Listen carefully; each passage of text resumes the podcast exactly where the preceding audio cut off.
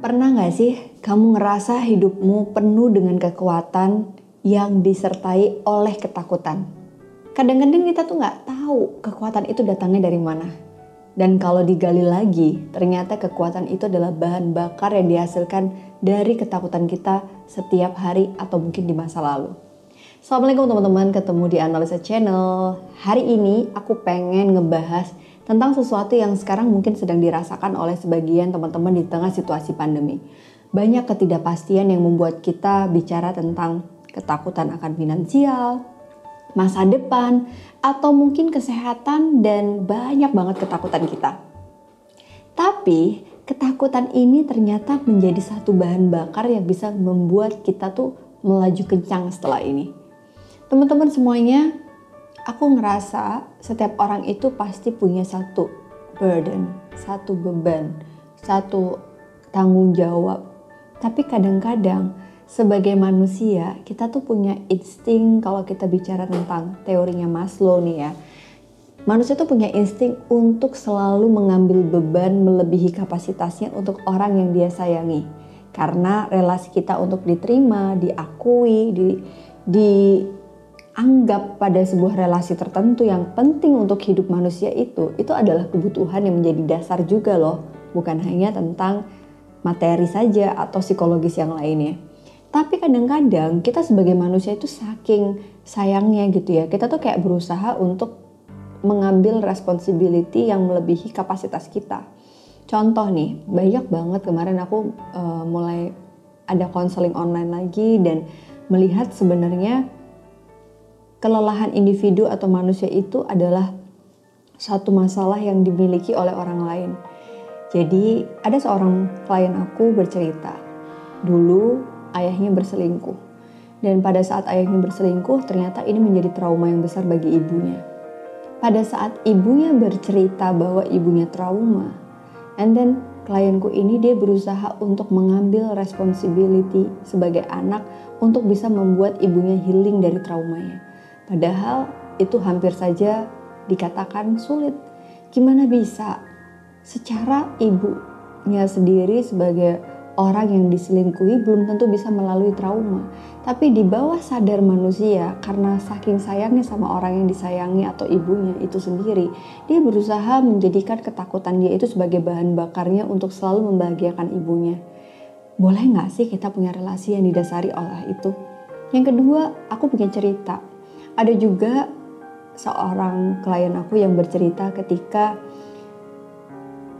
dia menjadi tulang punggung keluarga yang sebelumnya mungkin tidak pernah terbayang. Saat kecil dia selalu memenuhi semua kebutuhan psikologis yang dibutuhkan oleh orang tuanya sebagai orang tua dan relasinya kepada anak. Jadi selalu berprestasi, selalu menjadi sosok anak yang dapat dibanggakan dan itu terus-menerus sampai tidak pernah tidak berhasil, nyaris selalu berhasil. Dan pada level itu tiba-tiba dihadapkan pada situasi di mana orang tuanya di PHK. Karena orang tuanya di PHK, akhirnya anak ini berpikir keras untuk bisa memenuhi kebutuhan finansial keluarganya. Tapi kadang-kadang kalau kita tanya, kok bisa sih dia jadi juara kelas? Kok bisa sih dia berprestasi? Kok bisa sih dia ber, uh, mendapatkan beasiswa? Berkobarnya diri dia untuk terus bersemangat, bahan bakar itu ternyata dimunculkan oleh ketakutan dia atas kegagalan orang tuanya ketika di PHK. Ada cerita yang lain.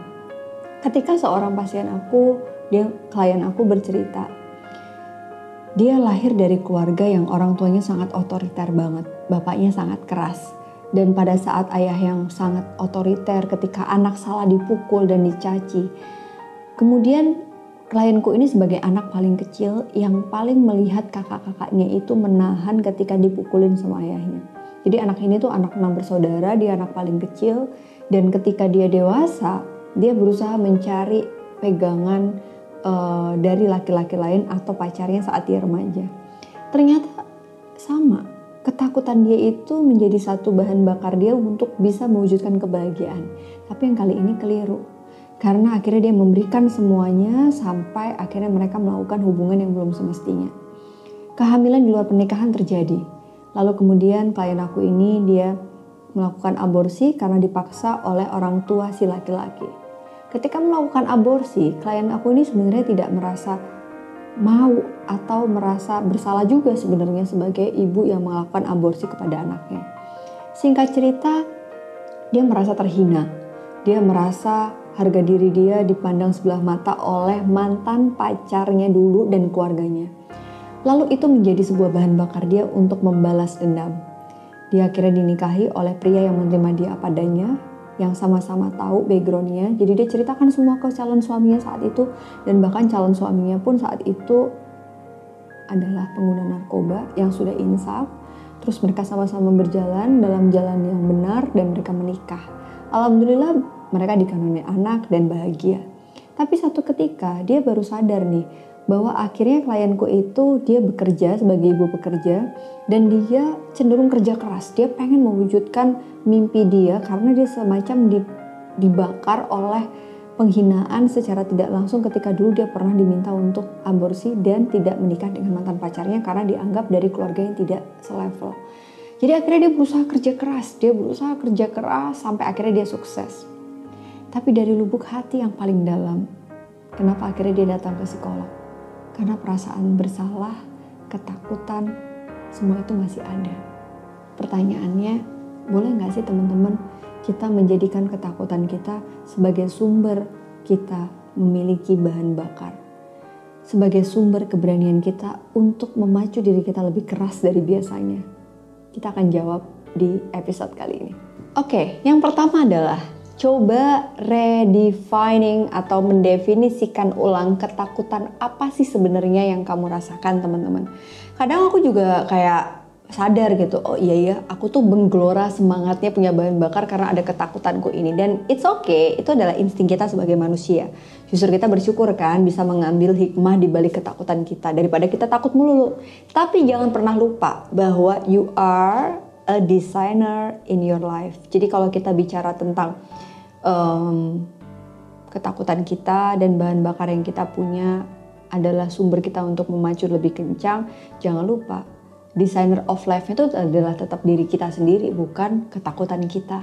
Maka yang bisa berhak untuk menentukan langkahnya, kalau berhasil seperti apa, kalau gagal harus seperti apa, itu tetap diri kita, bukan orang lain atau ketakutan kita. Yang ketiga, oke, okay, you can be the best version of your life You can be the best version of you. Kamu bisa memberikan versi terbaik dalam hidupmu, versi terbaik dalam dirimu. Tapi jangan pernah lupa, bukan yang perfect, tapi yang terbaik. Karena beda banget. Kalau yang perfect artinya kita tuh pengen, pengen semuanya sempurna, pengen semuanya tanpa celah. Dan ini akan membuat kita sadar bahwa setiap manusia punya batasan limit tertentu inilah yang menyadarkan kita sehebat-hebatnya manusia pasti ada batasannya. Dan kalau memang kita udah ngerasa limit kita sampai pada level tertentu, stop. Jangan push diri kamu. Karena sebaik-baiknya usaha kita, tugas kita hanyalah berusaha. Dan yang terakhir, jangan lupa to be an awesome prayer. Doa itu adalah salah satu jurus terakhir kalau bahan bakar kita udah habis. Ya nggak sih? Yang bisa ngisi bahan bakar itu bukan ketakutan kita, tapi yang menciptakan kita. So teman-teman, kesimpulannya adalah it's okay kalau memang ketakutan itu bisa kita jadikan sebagai fuel atau bahan bakar.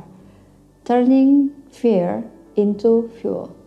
It's okay kalau kita sadar, kelola, manage dengan baik, sadari limitasi, dan jangan lupa berdoa. Terima kasih dan nonton Amsa Channel. Dan kalau kamu suka sama episode ini, kamu share sebaik-baiknya konten. Jangan lupa like and subscribe. Makasih ya, sampai ketemu di episode berikutnya.